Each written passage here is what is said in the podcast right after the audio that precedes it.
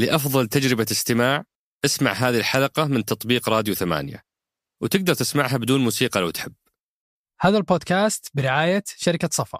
ليس من الصحيح أن اليوم أنا أقول لل- للشخص اللي عنده آه، يعني إعاقة يحتاج كرسي أو يحتاج كذا أنه أنا راح أصرف لك ضمان اجتماعي.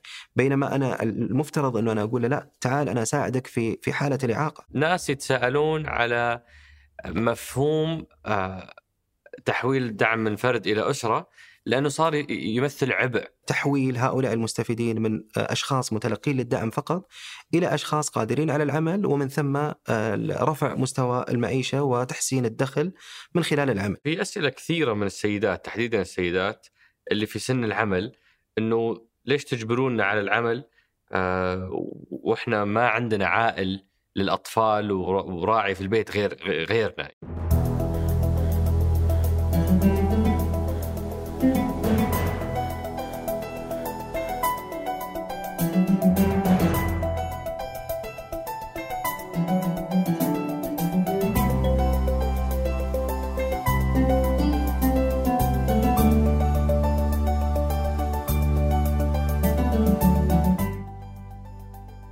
هذا سقراط من شركة ثمانية وأنا عمر الجريسي أستضيف قادة التحول وقادة الأعمال وقادة الرأي. ضيف حلقتنا اليوم هو الدكتور حمد الحماد الوكيل المساعد للسياسات والتشريعات بوكالة الضمان الاجتماعي والتمكين في وزارة الموارد البشرية والتنمية الاجتماعية. موضوع الضمان الاجتماعي موضوع جدا مهم لأنه يلامس الشريحة الأكثر احتياجا آه، آه، للدعم في السعودية. آه، الملف هذا عاش قصة تحول ما بين نظام الدعم السابق ونظام الدعم الحالي. فكان مهم ان نوثق هذا التحول من خلال هذه الحلقة ونتعرف على تاريخ موجز لموضوع الضمان من 60 سنة الماضية، التحولات اللي مر فيها، آخر نظام وأحدث نظام وش الفرق بينهم؟ انتقلنا من دعم مرتبط بالمسميات والحالات إلى دعم مرتبط باحتياج آه، حقيقي، سولفنا عن مصادر هذا الدعم، سولفنا عن آليات استحقاق هذا الدعم ومن الشرائح المستفيدة منه آه، وكيف يتم التقديم عليه وكيف يتم آه، التأكد والتثبت من الاستحقاق. آه، ثم ختمنا بمجموعة من أسئلة أصدقائنا المستفيدين من الضمان. اللي اكرمونا بمجموعة من اسئلتهم الثمينه مثل ليش شرط آه، عقد الإيجار آه، اللي قاعد يعيق بعضهم من الاستفادة من الدعم ليش اشتراط آه، الزيارات ال- الدورية اللي أحيانا ترهق بعض الأسر وتزعجهم وغيرها من أسئلتكم الثمينة. هذه الحلقة برعاية شركة صفا. أترككم مع الحوار. حياك الله أبو إبراهيم شرفتنا ونورتنا. الله يحييك آه، أرحب فيك وأرحب في الفريق كامل. شرفتونا اليوم في الوزارة. إحنا المشرفين آه، سعيدين شكرا انكم. أنقذتونا. إحنا المكان اللي نصور فيه صار فيه يعني آه، ظرف. فشكرا انكم آه، استضفتونا بدل ما إحنا نستضيفكم. ابدا. إحنا والله سعيدين جدا وشرف لنا كبير. وأنا مبسوط بهذا الظرف الحقيقة مع يعني تمني بأن إن شاء الله ما يحصل لكم أي اعاقات في عملكم دائما. لكن آه، إحنا سعيدين آه، تشريفكم لنا في الوزارة آه، تكونوا اقرب لل- للفريق وتشوفون الاعمال يعني بصورة آه، مباشرة فيعني كم ساعة والله. إبراهيم آه، جاتنا مجموعة أسئلة لما أعلنا عن الحلقة ولفت نظري سؤال آه، ما له دخل بموضوعنا بس له له علاقة بشخصك. قال لي السائل اسأله هل كونه قاضي سابق جاب معاه نفس العقلية في مسألة الأبيض والأسود واللي هي يعني لا تعني مدح أو ذم بقدر ما أنها أسلوب في القرار وأسلوب في العمل؟ إحنا طبعا نفخر بكل منسوبي مرفق القضاء و... ونعتز بكفاءات عالية في في في السعودية من القضاة بس هو يتكلم على أسلوب الإدارة وأسلوب العمل. هل أنت بعد ما طلعت من القضاء لسه قاعد تدير العمل ك... كمحكمة؟ هو ال- القضاء يمكن من المهم جدا الإشارة إلى جزئية آه، تتعلق بتصحيح معلومة الأسود والأبيض يعني هذه مهمة جدا اليوم القضاء ينظر إلى البينات آه، والقضاء آه، وفق ما يقدم أو يعرض أمامه من بينات يستطيع الوصول إلى الحقائق. ال- القضاء لا يعني آه، إثبات آه، حق آه، على ال- الواقع. هو في الأصل أن يكون حق وإنما هذا هو ما أوصل أو أوصلت البيانات إلى إلى هذه النتيجة.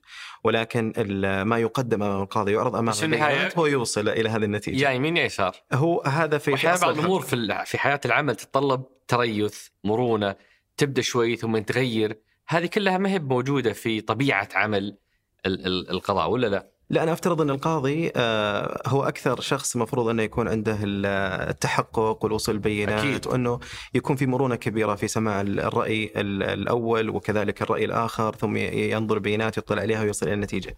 ال- العمل في الشؤون الاجتماعية آه، هو عمل آه، أمانة آه، مشرف جدا ويعني كبقية الأعمال الموجودة ويساعد بشكل كبير في الوصول ال- المستفيدين من خدمات الوزارة بشكلها الكامل. كما أنه القضاء ينزل إلى ال- ال- القضايا بصورة مباشرة ويفصل فيها فوزارة الموارد البشرية تنزل إلى الأعمال والخدمات بصورة مباشرة وتنفذ هذه الخدمات فالجميع يقدم آه، خدماته بصورة كاملة وأمانة أشرف في عملي السابق والعمل الحالي آه، بشكل كبير جدا. وأرى أنه يعني ال- ال- اليوم ال- ال- ال- إدارة الأعمال سواء كانت من نظرة الشؤون الاجتماعية أو نظرة قضائية لا شك أنه بتختلف بحكم طبيعة العمل. العمل القضائي مختلف في طبيعته عن العمل في الشأن الاجتماعي. وإحنا اليوم ما حنناقش طبعا العمل القضائي ولكن صحيح. آه تركيزنا حيكون على موضوع آه التحول في الضمان الاجتماعي. أنت أبو إبراهيم الوكيل المساعد لقطاع الضمان الاجتماعي. آه والملفت إنه في قصة تحول في هذا المكان آه أغلب الناس ما يعرفونها. فهدف الحلقة إننا نتعرف على تاريخ موضوع الضمان آه، آه، من هم الضمانيين آه، وش اللي كان يقدم لهم وش التحول اللي صار. وبنغطي بطبيعة الحال في نهاية الحلقة مجموعة من تساؤلات الأصدقاء المستفيدين من الضمان الاجتماعي. فمن وين ودك تبدأ أبو إبراهيم؟ والله مهم جدا نشير إلى إلى تاريخ الضمان اليوم آه، عندنا في المملكة، الضمان الاجتماعي آه، بالمناسبة هو اليوم آه، قطع قرابة 62 آه، سنة. الضمان الاجتماعي أشار للنظام الأساسي في الحكم في عدد من المواد من ضمنها المادة 27 وأشارت إلى أن الدولة تدعم نظام الضمان الاجتماعي وهذا جزء مهم جدا للتأكيد على أن الدولة رعاها الله حريصة دائما على تقديم الدعم والنظر إلى حال آه، أفراد المجتمع بصورة كاملة وكذلك المساهمة في آه، رفع مستوى المعيشي لجميع الأفراد. لما ننظر إلى المراحل اللي مر فيها الضمان الاجتماعي نجد أنها مراحل متنوعة ومراحل آه، مديدة. يعني خليني أعطيك على سبيل المثال نتكلم عن نشأة الضمان كان عن عام 1962 آه، ميلادي. بدأ كمصلحة للضمان الاجتماعي. في ذاك الوقت كان الدعم يقدم كل ثلاثة أشهر ويقدم بمبلغ قدره 370 ريال. آه، لمن؟ للمستحقين من الضمان الاجتماعي وفي ذاك الوقت حاجة، في الفئة. الأكثر حاجة الفئات الأكثر حاجة. وبالمناسبة كان الضمان الاجتماعي لابد من أنه آه، يقوم فريق مصلحة الضمان الاجتماعي بزيارة الأسرة وتحديد إذا كانت الأسرة مستحقة أو غير مستحقة. 360 ريال؟ 370 ريال. 370 ريال كل ثلاثة شهور. كل ثلاثة أشهر. بعد كذا الضمان آه، آه، أعطى نقلة كبيرة وأصبح وكالة في وزارة ال- آه، العمل والشؤون الاجتماعية ذاك الوقت وهذا كان عام 1975 التحول هذا غير في بعض المعادلات وحتى زاد من قيمة المعاش ال- ال- الضماني للأسر وأصبحت الأسرة تأخذ بشكل سنوي شيك قدره ال- آه، 16200 ريال. كان يقدم بهذا الشكل. مبلغ مقطوع مرة واحدة في السنة. مبلغ مقطوع يقدم مرة واحدة. في عام 2005 آه، صار ال- اللي هو أنه استقلت وزارة الشؤون الاجتماعية عن وزارة العمل. وفي هذه الفترة آه، صدر نظام الضمان الاجتماعي اللي هو كان عام آه، 1427 وأيضا غير كثير من ال- ال- المعايير. وأصبح الضمان الاجتماعي يستهدف الحيثيات. فينظر إلى الأسرة كأفراد آه، مستقلين، ينظر إلى ال- اليتيم، إلى المعاق، إلى الكبير في السن وغيرها من الحيثيات. والضمان الاجتماعي في هذا الوقت تحول من سنوي إلى شهري وأصبح الضمان بمعدل سنوي لسقف قدره 31 ألف ريال. آه، هذه الفترة استمرت 3000 ريال في السنة 31 ألف ريال في السنة كسقف للأسر في آه، ذاك الوقت بعد كذا جاء في آه، تحت مظلة رؤية المملكة 2030 أصبح التغير على آه، مستوى كافة الأصعدة عندنا في في ال- في المملكة. التطور كبير لذلك آه، تزامن مع هذه الفترة آه، صدور نظام الضمان الاجتماعي الجديد وهذا كان عام 1442 هجري في شهر آه، أربعة. اللي غير كثير حقيقة من ال- ال- ال- المعايير وأعتقد إنه من المهم جدا إنه نتطرق عليها في في ثنايا الحلقة ولكن من المهم الإشارة إلى جزئية مهمة في في في في هذا الشق وهي إنه الضمان الاجتماعي ال- الجديد غير حتى في قيمة المعاش بصورة مضاعفة. اليوم نتكلم عن ضمان آه، سنوي يصل إلى 60 ألف ريال للأسرة ويضيف آه، برامج آه، دعم مساند قدرها تتجاوز 14000 في آه، سقف هذا ال- ال- ال- ال- المساعدة. لذلك أنت اليوم تتكلم عن 1000 تغير مقارنة بكم قبل ب التحديث؟ 31 ألف ريال 31,000. فأنت تتكلم عن نقلة كبيرة جدا أيضا غير الفكرة الأساسية من الضمان الاجتماعي صار ينظر إلى الأسر الأكثر استحقاقا فيقول لك أنا أنظر إلى حد مانع هذا الحد آه، يجب أنه أي أسرة تكون أقل من عنده كان دخل الأسرة لا يلبي احتياجاتها الأساسية فإن هذه الأسرة تكون مستحقة للضمان الاجتماعي. أيضا جاب فكرة آه، منبثقة من آه، رؤية المملكة رؤية المملكة يعني تقوم مثل ما معروف على ثلاث ركائز مجتمع حيوي وطن طموح اقتصاد مزدهر ويتفرع منها عدد من الأهداف.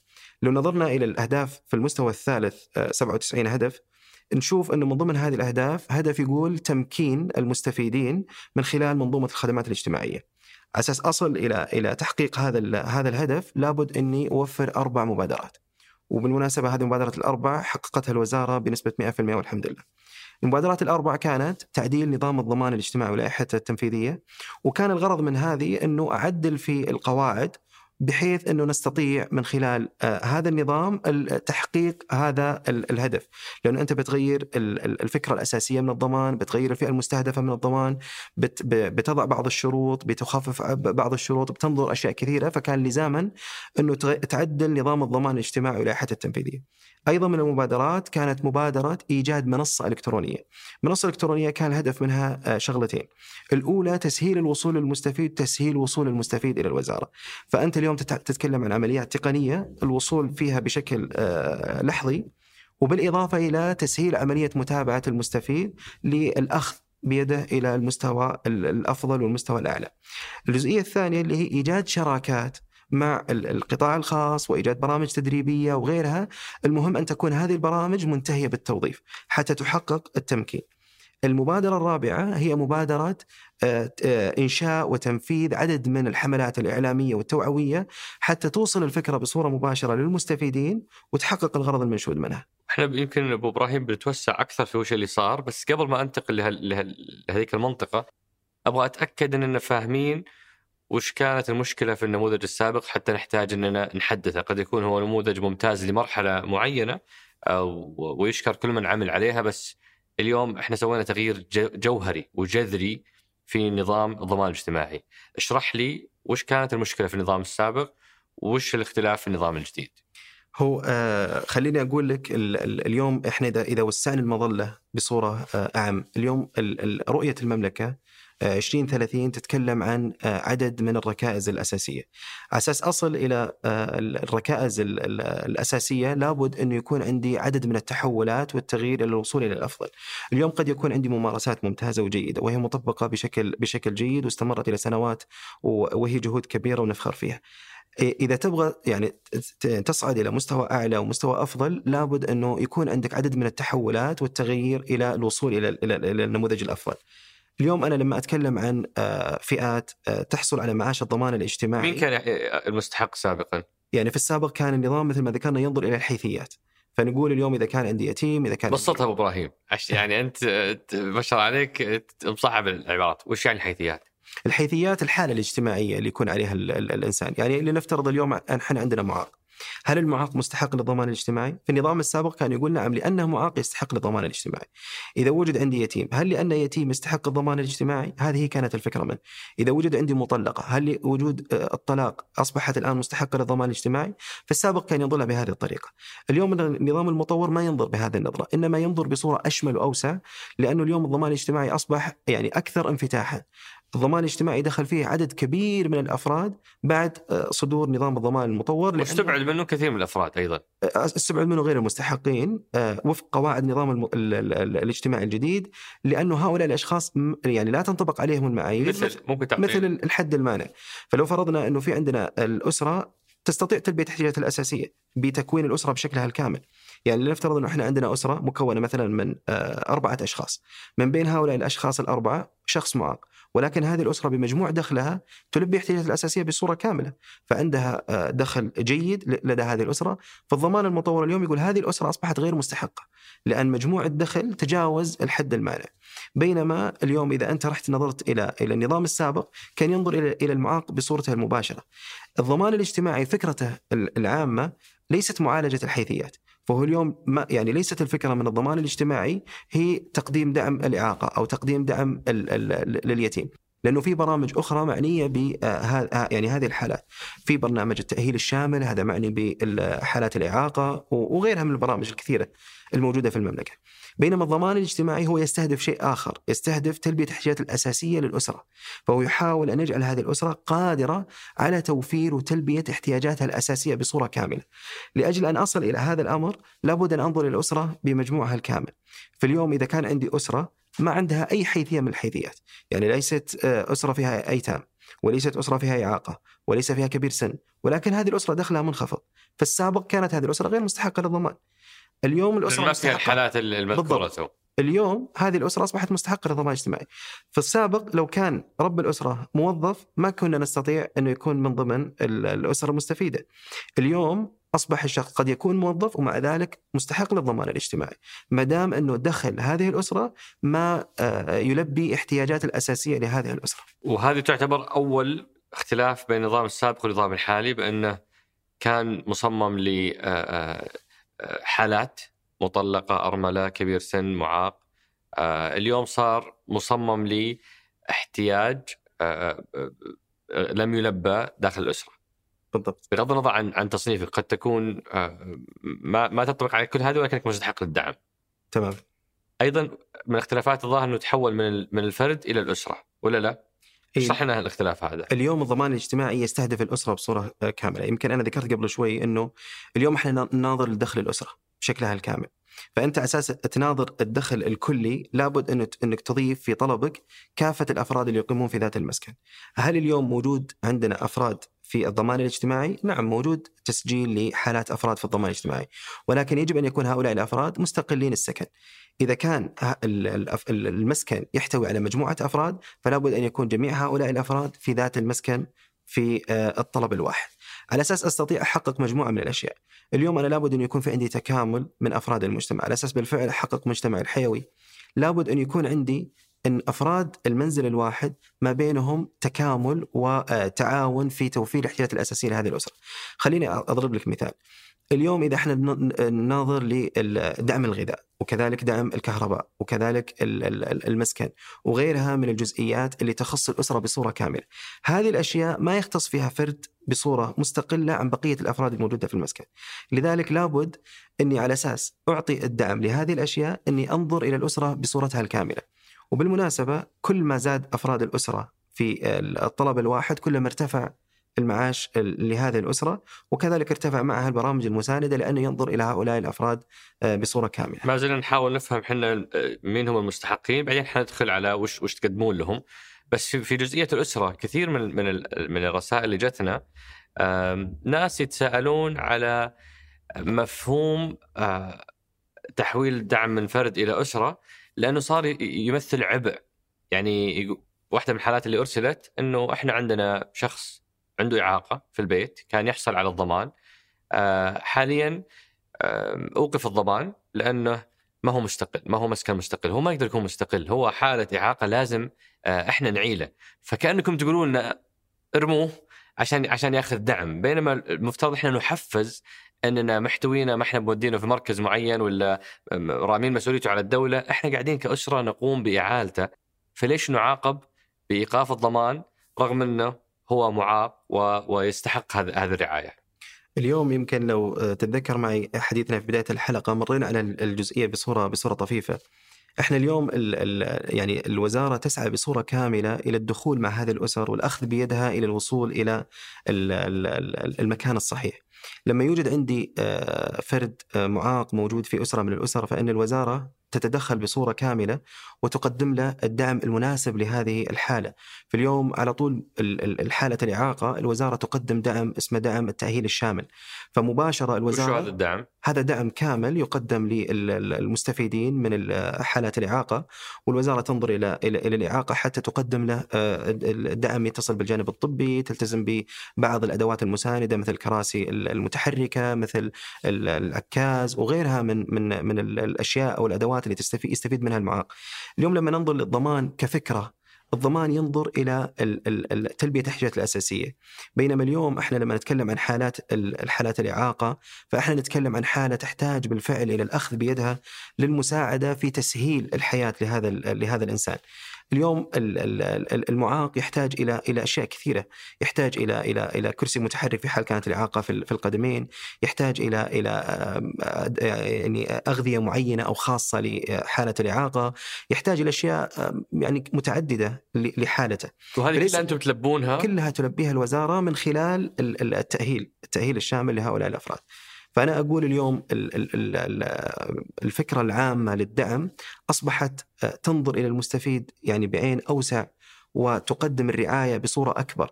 فليس من الصحيح أن اليوم أنا أقول للشخص اللي عنده آه، يعني إعاقة يحتاج كرسي أو يحتاج كذا انه أنا راح أصرف لك ضمان اجتماعي بينما أنا المفترض أنه أنا أقول له لا تعال أنا أساعدك في في حالة الإعاقة ويقدم له الدعم بصورة كاملة حتى في يعني مراكز التابعه للوزارة في بعض الزملاء المختصين بالجانب الطبي وتقديم الرعاية وغيرها أيضا في بعض المراكز الإيوائية الخاصة بحالات حالات الإعاقة لذلك الوزارة في هذا الجزء تركز بصورة كاملة إلى أنه لا يمكن أن تترك هذا هذا المعاق وإنما تقدم له الدعم ولكن من مكانها الصحيح.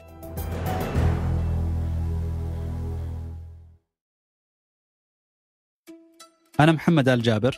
وأنا هادي فقيهي. وهذا جديد ثمانية بودكاست جادي. كل أسبوع بنجلس نتناقش حول مواضيع اقتصادية واجتماعية ونتناولها من زوايا مختلفة. ونعرض فيها سياق جديد للأحداث والظواهر الاجتماعية. اشترك في بودكاست جادي من خلال الرابط في وصف الحلقة. معرفة الأخبار الاقتصادية صارت جدا مهمة هذه الأيام وممكن تأثر على حياة الكل. اقتصاد الشرق مع بلومبرج تجيب لك آخر الأخبار وانعكاساتها عليك على مدار الساعة. شاهد قناة منصات الشرق للأخبار واقتصاد الشرق مع بلومبرج لتتابع العالم تابع الشرق. الرابط في وصف الحلقة.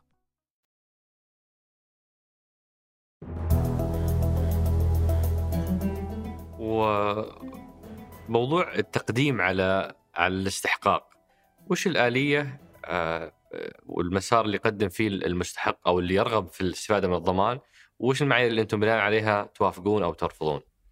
اليوم ال ال يمكن ذكرت لك أنه من المبادرات اللي آه، على أساس نصل إلى المستهدف اللي هو توفير منصة. فاليوم الوزارة وفرت منصة اسمها منصة الدعم والحماية الاجتماعية، هذه المنصة رقمية بالكامل. أنت في مسكنك تستطيع أن تدخل على الوزارة وتبدأ الخطوات من الأولى إلى الخطوة الأخيرة إلى وصول المعاش إلى المستفيد بصورة كاملة. وأنت في بيتك. وأنت في بيتك بدون ما تحتاج تحرك ولا شيء. بل أزيدك، اليوم المشهد الضماني على أساس تأخذ تعريف أنا احتجت أيضا تأخذه من من بيتك ومن جوالك. آه وش هذا المشهد الضماني المشهد ما يعرف؟ اليوم الضماني يستطيع الحصول على تعريف بأن هذا الشخص مستفيد من من الضمان الاجتماعي وهو مستحق ومؤهل للضمان الاجتماعي ويحتاجه في عدد من الخدمات. اليوم وش تفيده؟ وش تفيده هذه؟ يستفيد منها في بعض الخدمات الأخرى مثل آه، عندك اليوم في الخدمات القضائية آه، التكاليف القضائية الضمانيين معفيين من هذا من هذا الشرط. فوجود المشهد الضماني يساعدك في إثبات آه، أنه هذا الشخص ضماني وبالتالي هو مستحق لهذه الخدمة. فكل رحلة التقديم اليوم صارت مؤتمتة ينجزها الشخص من بيته أو من مكانه. بالكامل. آه وش معايير القبول والرفض؟ اليوم خليني آه، يعني يمكن من المناسب إن أنا أعطيك الرحلة على أساس تكون الصورة واضحة. اليوم المفترض بالمستفيد إنه يدخل على منصة الدعم والحماية الاجتماعية ويختار البرنامج الخاص فيه وهو برنامج الضمان الاجتماعي. يبدأ المستفيد بداية بتعبئة الملف الموحد. الملف الموحد هذا يأخذ صورة كاملة عن المستفيد على أساس يساعده في جميع الدعوم اللي آه، راح تتوفر على المنصة للمستفيد في أي حالة من الحالات اللي يكون عليها. يبدأ المستفيد بياناته، بيانات السكن، بيانات الدخل، بيانات التابعين وغيرها من البيانات. بعد كذا يدخل عندنا في حاجة اسمها الأهلية الأولية، وهذه تتم للمستفيد خلال الفترة الأولى إيه، تتحقق المنصة بصورة آه، سريعة جدا هل المستفيد مستحق بحيث يكمل الطلب أو ما يكمل الطلب. إذا البيانات مكتملة وصحيح الإدخال يتحول مباشرة إلى إيه الأهلية. هنا لحظة و- وش المعايير اللي بناء عليها يستح... الأهلية هذه اللي يستحق ولا لا؟ هذه فقط بيانات الإدخال إذا كان أكمل البيانات إيه. يدخل معنا إلى الأهلية نسميها إحنا أهلية شهرية وهذه تصدر للمستفيد آه، كل شهر الوزارة آه، آه، تعلن نتائج الأهلية في تاريخ يعني يتراوح ما بين 26 إلى تاريخ آه، 28 في هذا الفترة تعلن نتائج الأهلية. نتائج الأهلية تقوم على عدد من توفر عدد من المعايير. الشرط الأول أنه يكون هذا المستفيد وهو هذا الشرط الأساسي عندنا أمانة اللي هو انه يكون هذه الأسرة دخلها ما يلبي احتياجاتها الأساسية، بمعنى إنه الدخل الاسره منخفض. متى كان مجموع دخل الأسرة منخفض عن تلبيه احتياجاتها الأساسية هذه تقيسونه؟ مستحقة. هل في رقم ثابت؟ إي نعم إحنا اليوم نقول آه، كم هو الحد المانع لل- لل- للأسرة ننظر إلى أفراد الأسرة نجمعهم مع بعض ونقول العائل يعطى مبلغ آه، اللي هو مبلغ الدعم 1320 ريال والتابعين كل تابع 660 ريال. نضرب هذه الاعداد ثم نجمعها مع بعض ونحدد الحد المانع للأسرة. ولكن هل كل دخل أنا أعتبره دخل كامل؟ ومن ثم أعتبر أنه هذا الدخل يمنعني من الدخول للضمان الاجتماعي؟ الجواب لا. بس عفوا إبراهيم الحين ما- فهمت أنا. وش الحد اللي تقيس اللي تقولون اللي ما وصل لهذا الحد فهو يعتبر آه، احتياجاته غير مغطاة؟ اليوم أنا ال- الحد ليس حد ثابت للجميع، إنما الحد يتغير بعدد أفراد الأسرة. كل ما زاد أفراد الأسرة كل ما ارتفع الحد، وكل ما انخفض عدد أفراد الأسرة انخفض معي الحد. فأنا أعطيك على سبيل المثال، إذا عندنا أسرة مكونة مثلا من شخص واحد، فإن الحد المانع لها 1320 ريال. إذا كانت الأسرة مكونة من آه، شخصين فإنه راح يكون 1320 بالإضافة إلى 660. إذا كان عندي آه، أسرة مكونة من ثلاث أشخاص فإنه 1320 بالإضافة إلى 1200 660 و660 1000 عفوا 1320 فأنت راح تجمع الأرقام وتطلع الحد المانع لكل أسرة بناء على هالقاعدة.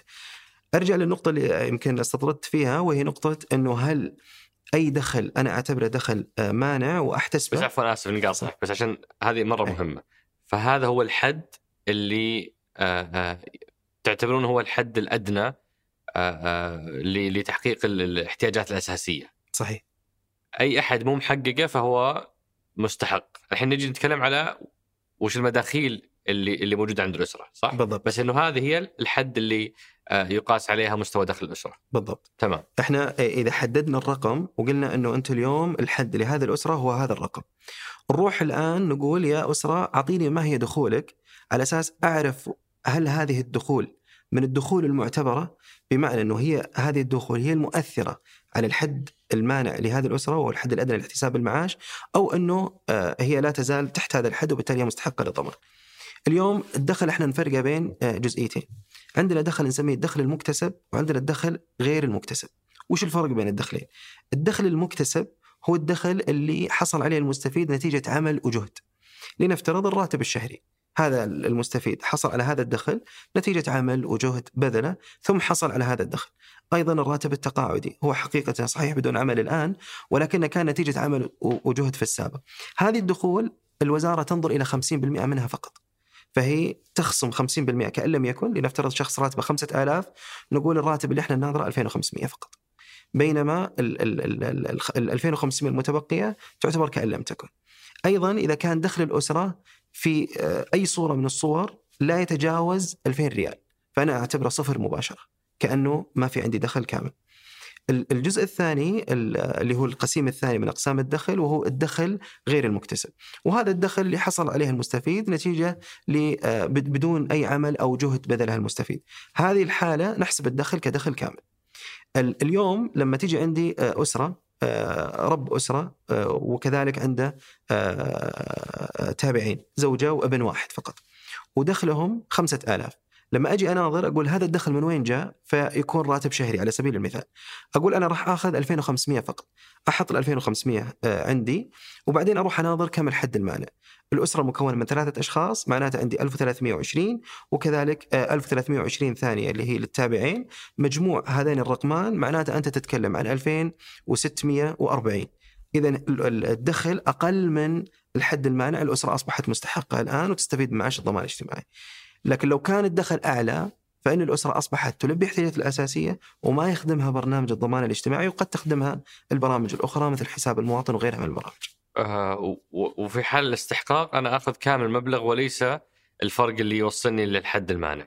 آه، هذا أيضا الجزئية مهمة الإشارة لها وهي إنه هل اليوم ال- ال- بمجرد استحقاقك بمعنى لو افترضنا أن عندي أسرة تستحق يعني أقل من الحد المانع مثلا ب 100 ريال وعندي أسرة مجموع الدخل حقها صفر هل أنا راح أساوي بينهم بال- بال- بالمعاش؟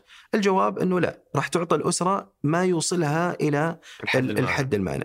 اليوم هل الدعم اللي يقدم للأسرة هو فقط المعاش اللي ذكرناه اللي هو 1320 الجواب لا. هناك برامج دعم إضافية فعندنا دعم أقر آه، مؤخرا وهو دعم الحليب وهذا الدعم يقدم للأطفال في الأسرة من عمر سنتين إلى أقل يقدم لهم دعم الحليب بصورة كاملة ويقدم بشكل شهري إذا تجاوز عبارة عن إيش الدعم هذا؟ هو دعم نقدي يضاف إلى دعم معاش الضمان الاجتماعي. أيضا عندنا دعم خاص بالكهرباء ودعم خاص بالغذاء وفي دعم للفرش والتاثيث ففي برامج دعم الكهرباء كثيرة. عبارة عن خصم في سعر الكهرباء ولا مبلغ أيضا مقطوع؟ هي مبالغ إضافية تضاف على ال- ودعم الغذاء جميع هذه ال- ال- ال- الدعوم تقدم آه، نقدية. في دعم أيضا للحقيبة المدرسية والزي المدرسي، هاي تقدم بداية كل فصل دراسي للطلاب في المدارس. فالدعوم متنوعة ولذلك إحنا يمكن ذكرنا في البداية إنه اليوم معاش الضمان الاجتماعي ليس فقط مجرد الضما- ال- ال- المعاش الضماني أو المعاش الأساسي وإنما هناك أيضا آه، برامج مساندة تدعم هذا الرقم الأساسي. آه، واليوم كم نقدر نقول عدد ال- المستفيدين من من الضمان الاجتماعي؟ إحنا يمكن من من ال- من الجزئيات المهمة الإشارة لها آه، قبل أن ندخل على على سؤالك اللي هو هل ال- ال- الدعوم اليوم قاعد تقدم للأسر بشكلها الكامل أو كيف إحنا قاعدين نقدم نقدم الدعم. اليوم ال- الضمان الاجتماعي يمكن أشرنا قبل شوي إلى إنه أصبح ينظر إلى الأسرة بصورتها الكاملة. فلما تنظر إلى الأسرة بصورة آه، كاملة بكافة أفرادها فأنت تتكلم عن مجموع الأفراد الموجودين في المسكن الواحد وتقدم لهم آه، الدعم الضماني. الضمان ينظر إلى كل التفاصيل الموجودة في الأسرة، فهو يساعد الطلاب على ال- ال- التجهيزات الخاصة بالمدارس من خلال الدعم الخاص بالحقيبة والزي المدرسي. يساعد حتى في دفع رسوم اختبارات قياس في الوصول عند مراحل اختبار القياس. وغيرها من الاحتياجات اللي تساعد هذه الأسر بمجموعها الكامل إلى الوصول إلى ال- تلبية الاحتياجات الأساسية وتصبح هذه الأسر قادرة على التحول إلى أسر آه، منتجة ومكتفية بصورة كاملة. آه، فما في عندنا رقم معين نقدر آه، نحسبه أو نعرفه عن المستفيدين من الضمان؟ هو الضمان الاجتماعي آه، يتنوع يمكن مثل ما ذكرت قبل شوي إحنا اليوم الضمان لما تطور واصبح عندنا منصة رقمية أصبح هناك تعاون وربط إلكتروني مع عدد من الجهات الحكومية فأصبحت الوزارة آه، تحدث البيانات الموجودة عند المستفيدين بشكل شهري حتى تتأكد من وصول هذا المبلغ للأسر المستحقة فعلا آه، منه لذلك إحنا عندنا كل شهر دورة أهلية تتحقق من مدى الاستحقاق. انطباق الاشتراطات لاستحقاق هذه الأسر ولذلك إحنا اليوم لما ننظر إلى الضمان الاجتماعي نجده متغير. كل شهر يتغير عن الشهر الذي يليه أو الشهر السابق له، هناك أشخاص يدخلون جدد وهناك أشخاص يخرجون، وعندنا مصدر كبير جدا يخرج منه عدد كبير من المستفيدين من الضمان الاجتماعي وهو ال- ال- النقطة الأساسية اللي ركزنا عليها يمكن في البداية من ضمن مستهدفات الرؤية اللي هي التمكين، فأنت اليوم تتكلم عن آه، تمكين هذه الأسر حتى تصبح هذه الأسر مستغنية عن آه، دعم الضمان الاجتماعي. وهذه بنجي يعني فيها جزئية مهمة موضوع التمكين بس أنا لسه أبغى أقفل موضوع الاستحقاق. من ضمن ال- ال- الأسئلة اللي جتنا آه، انزعاج شوي من بعض اشتراطات الاستحقاق اللي أصبحت آه، آه، تعيق بعض المستفيدين. على سبيل المثال اشتراط عقد أجار. آه، بعضهم يقول آه، إحنا ساكنين في مساكن ما ما فيها يعني عقود أجار آه، آه، بالشكل الجديد منصة إيجار وإلى آخره. فهذه تحرمنا من الاستفادة. ليش شرط عقد الأجار بدل ما كان سابقا موضوع فاتورة ال- ال- الكهرباء أو عداد الكهرباء؟ اليوم ال- الأوامر الكريمة ت- تقول أنه فيما يتعلق في حال وجود إيجار ال- الاعتماد هو على منصة إيجار. وهذه فيها أوامر آه، كريمة آه، على أساس أنه يكون في حوكمة جيدة لهذه العقود وضبطها.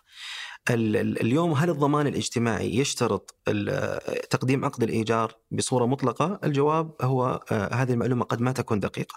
اليوم الأسرة الضمان الاجتماعي ما يطلب منها إثبات السكن. آه، في حال وجود أسرة آه، بصورة كاملة الأب والأم وأبنائهم وأفراد الأسرة بشكلها الكامل الضمان الاجتماعي ما يطلب منهم إثبات السكن متى يطلب إثبات السكن؟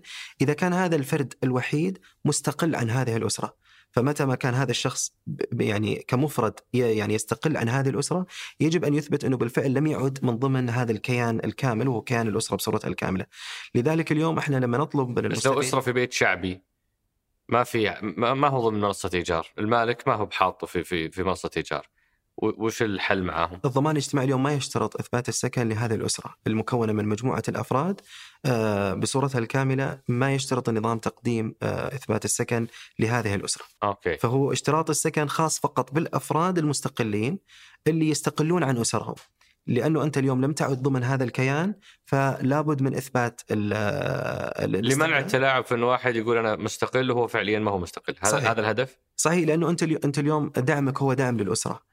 فيعني ليس من الصحيح إنه إنه يكون الدعم آه، مضاعف وهناك أسر أخرى مستحقة. آه، يجب أن تستفيد من من من, من الضمان الاجتماعي، فاليوم أنا ادعم مثلا الكهرباء وهو ما دام ما زال موجود في ذات الأسرة فالفاتورة واحدة، ليس من الصحيح إنه يكون هناك دعمين آه، لذات الغرض. وهناك أسر أخرى آه، يعني متقدمة هي مستحقة لهذا الدعم وليس من الصحيح أن يكون الدعم موجه إلى هذه الأسرة يعني بصورة مضاعفة بينما الأسر الأخرى آه، قد تكون هي الأكثر حاجة لهذا الدعم. واليوم وش مصدر أموال الضمان اللي آه، تصرف على المستحقين؟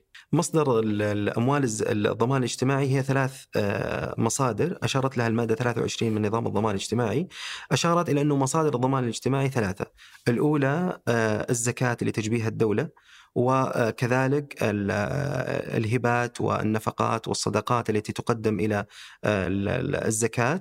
والثالث هي الدعم اللي تقدمه خزينة الدولة إلى الضمان الاجتماعي. في اليوم الزكاة تصرف على بصورة كاملة تصرف زكاة الشركات وزكاة الأفراد؟ نعم هي الزكاة يعني بصورة عامة تصرف لمستفيدي الضمان الاجتماعي وما يعني تقل عنه هذه القيمة يتم دعمها من خلال دعم الدولة آه، بصورة مباشرة. فالمستحقين ثابتة مصروفاتهم يغطيها بشكل أساسي زكاة اللي اللي تجمعها هيئة الزكاة والدخل والفرق أو العجز آه، الدولة هي اللي تدعمه حتى تغطي النفقات صحيح. وهذا يحملكم صراحة مسؤولية كبيرة جدا في إيصالها لمستحقينها لأنه أحيانا البعض آه، يعني يتوسع شوي في الاستفادة من الدعم الحكومي بحكم إنه هالبلد خيرها يعم الجميع و آه، وخيرها دائما يصل لأبنائها فالناس يتساهلون في الحصول على أنواع الدعم المختلفة. آه، بس هنا إحنا نتكلم على موضوع مختلف. نتكلم على زكاة زكاة شرعية آه، خرجت من أصحابها لأغراض محددة في الشرع ما لا يمكن تجاوزها. فهذا يحملكم مسؤولية إيصالها للمستحقين ولذلك أفهم إنكم تضعون ضوابط يعني وتتحرون فيها الدقة العالية.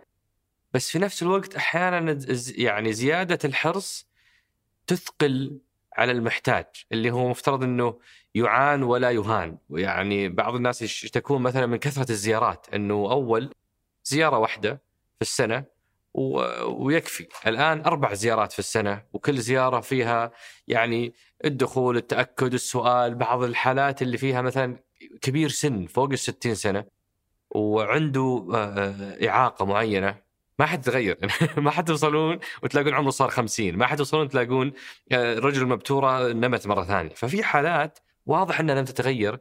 وش الحاجة من تكرار الزيارات أربع مرات في السنة بشكل يرهق بعض المستفيدين؟ الزيارات الميدانية اللي اليوم تتم للمستفيدين ليس الغرض منها فقط جمع البيانات والتحقق فقط. إنما هذا أحد الأعمال يقوم بها الباحث الميداني، ولكن هناك خدمات كثيرة يقدمها الباحث الميداني لهذه الأسر عند زيارتها. فمثلا يساهم الباحث الميداني في المساعدة في حال وجود حالات تتطلب آه، حماية اجتماعية. أيضا يساهم في آه، في حال وجود حاجة شديدة لهذه الأسرة فإنه يساعد في تحويل هذه الأسرة إلى ضمن مبادرة اسمها مبادرة آه، تفريج كربة، وهي مبادرة تقوم الوزارة بالتدخل بصورة سريعة لهذه الأسرة وتقديم تقديم عدد من الدعم المباشر سواء كانت سلال غذائية أو غيرها. أحيانا تساهم الأسرة في مسا... تساهم الزيارة في اكتشاف عدد من الحالات اللي تتطلب علاج طبي سواء يعني علاج نفسي أو أو أو حاجة طبية لاحد أفراد هذه الأسرة، فالباحث الميداني هو شريك الأسرة أو مساعد الأسرة في نقل ما لديهم من احتياجات إلى الوزارة حتى أو حتى الوزارات الأخرى اللي تشارك الوزارة في مساعده لتجاوز الحاله اللي موجوده عند هذه الاسره. فالباحث الميداني زيارته هي ليست فقط مجرد تدقيق أو انه المعاق قد يكون تعافى، إحنا نتمنى للجميع الشفاء والعافيه ولكن فقط مجرد الاكتشاف الحاله أو أو التلاعب اللي قد يكون موجود هذا جزء بسيط من من من زياره الباحث انما زياره الباحث الهدف منها اعم واشمل فالباحث هو صديق للأسرة لنقل ما لديهم من احتياجات وكذلك مساعدتهم في تجاوز أي عقبة ممكن تجيهم. اليوم ال ال ال يعني مصارف الحياة كثيرة وال وال وال يعني الأزمات اللي تمر فيها الأسر متنوعه الباحث الميداني هو شريك الأسرة وصوت الأسرة للوصول إلى الجهة المعنية لخدمتها سواء كانت تتطلب حماية تتطلب جانب طبي تتطلب يعني أي جانب من الجوانب. وحتى الباحث الميداني من ضمن المهام اللي عنده إنه يساعد الأسرة في تعريفها في بعض الاحتياجات اللي عندها. يعني على سبيل المثال أحيانا يكون مثل ذكرنا إنه إعفاء الضمانيين من التكاليف القضائية. قد يكون الضماني ما يعرف هالمعلومة. فالباحث الميداني من واجبه أن يوصل هالمعلومة إلى الأسرة المستفيدة. فهو شريك الأسرة وليست المقصود من إثقال كاهل الأسرة بكثره الزيارة. يعني أعتقد أنتم أبخص لكن أربعة ولا اثنين ولا واحد أنتم أدرى بالمناسب بس يعني جيد انه يكون فيه توافق بينكم وبين الأسر على الآلية اللي ما تثقلهم وتحقق الغاية اللي اللي من جهتكم. ما دامك طريت موضوع التلاعب كيف تتعاملون مع حالات التلاعب وضعاف النفوس اللي يسوون استغلال مثل هذه البرامج؟ بس إذا تسمح لي يعني أرجع للجزئية السابقة اللي هي كم عدد الزيارات الميدانية هو زيارة ما الوزارة ما تزور أربع إنما النظام يقول الحد الأدنى زيارة كل سنة فالوزارة حاليا هي تزور مرة واحدة ولكن تستهدف إن شاء الله زيادة العدد في الحالات اللي, اللي ارسلوا لنا انه في أربع زيارات أحيانا. الزيارة ممكن تتكرر إذا المستفيد قدم بيانات إضافية. فأنت اليوم إذا قدمت إنه صار عندك إضافة أو صار عندك حاجة فإنه يتم زيارة الأسرة من خلال الباحث الميداني أو أحيانا يكون الأسرة حصل لها ظرف أثناء الزيارة فما حبت استكمال رحلة الزيارة أو طلبت من الباحث تأجيل الموعد فإنه يؤجل. ولكن الزيارة الكاملة اللي يتم نقلها للنظام هي زيارة واحدة في الوقت الحالي. تمام. موضوع التلاعب. موضوع التلاعب اليوم إحنا عندنا ال ال يعني نظام الضمان الاجتماعي يقدم دعما للمستفيدين ويحرص أمانة إنه يكون قريب من من من المستحق فعليا ومثل ما ذكرت اليوم أموال الزكاة هي أموال يعني معنية بالصيانة والحرص وأنه يعني مفترض إنه لا تصل الا للمستحق فعليا منها.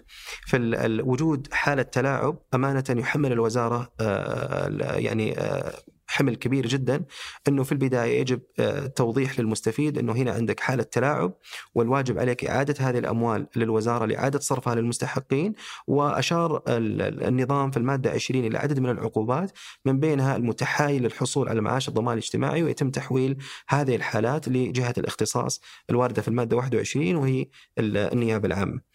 فهذه الصورة العامة ل هل في حالات كثيرة من هالنوع ولا ولا محدودة ولا وش وش رصدتوا؟ هناك حالات من حالات التلاعب تقديم بعض المستندات غير الصحيحة تقديم عقود إيجار ليست حقيقية وهذه الحالات تمت مشاركتها لجهة الاختصاص ويجري العمل فيها كونها يعني إحدى حالات التلاعب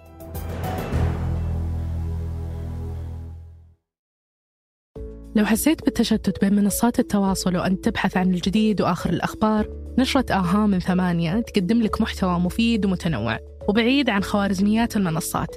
تقراها في خمس دقايق صباح كل يوم. تقربك من المستجدات وتغنيك عن الجوال الباقي اليوم. انضم الآن من الرابط في وصف الحلقة. الجماليات المعمارية مهمة بس جودة البناء أهم وحداثة التصاميم مهمة لكن الخدمات والمرافق أهم. المهم والأهم مضمون. تملك المستقبل مع وحدات شركة صفاء للاستثمار. أعرف أكثر من الرابط في وصف الحلقة. وش الرابط بين العلوم والجرائم الغامضة وعالم السيارات والمغامرة والسفر والحياة البرية وأسلوب الحياة؟ لو بنجمع كل هالأشياء في كلمة واحدة راح تكون الاستكشاف. متع فضولك مع منصة الشرق ديسكفري واستمتع بآلاف الساعات من المحتوى التثقيفي الترفيهي بالعربي بمعايير عالمية. اعرف أكثر من الرابط في وصف الحلقة.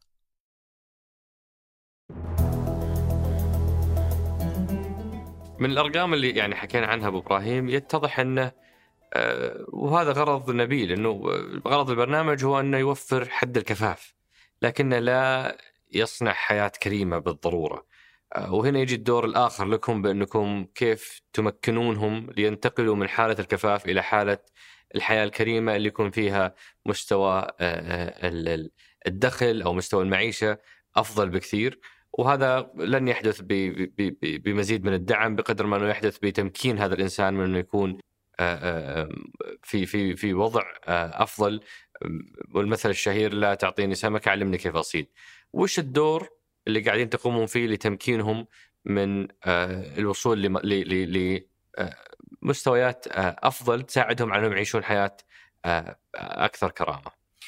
اليوم في جهد كبير من الوزارة يقام في في في هذا في الجزئية اللي ذكرتها وهي جزئية التمكين.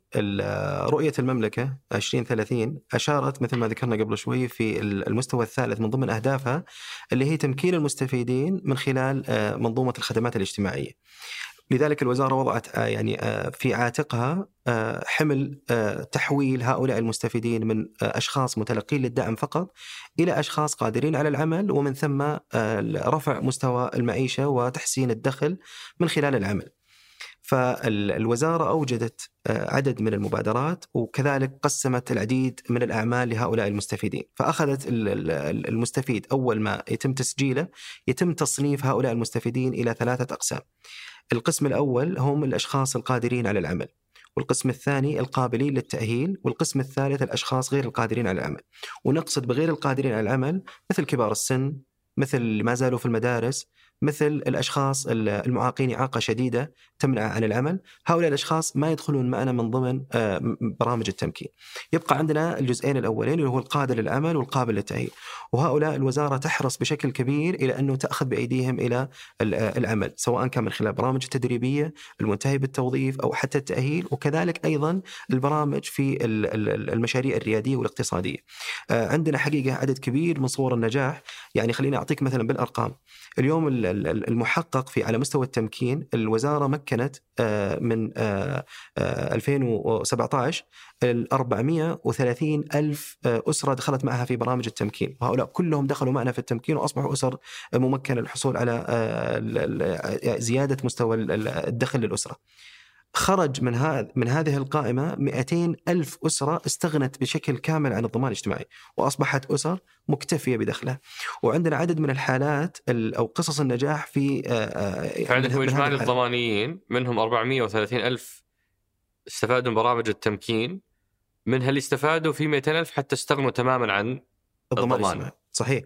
وكان ال ال يعني ال المحقق للمملكة العربية السعودية في هذا في هذا الجزء محقق عالي جدا. البنك الدولي زار المملكة واطلع على البيانات الخاصة بهذه الأعداد وأشاد بدور المملكة وحتى استشهد بالاجراءات اللي تمت في المملكة بهذه الجزئية في عدد من مقالاتها المنشورة. استفادت عدد من الدول الأخرى وزارت المملكة وحاولت استنساخ التجربة عندنا مثلا في مملكة البحرين عندنا في الكويت عدد من الدول اللي أصبحت الآن تفد إلى المملكة وتحاول آه، الاستفادة من التجربة. بس ودي إبراهيم أسوي يعني زوم أو أدخل للتفاصيل وأفهم وش سويتوا بالضبط، وش أعطيتوهم حتى يستغنوا عن الضمان.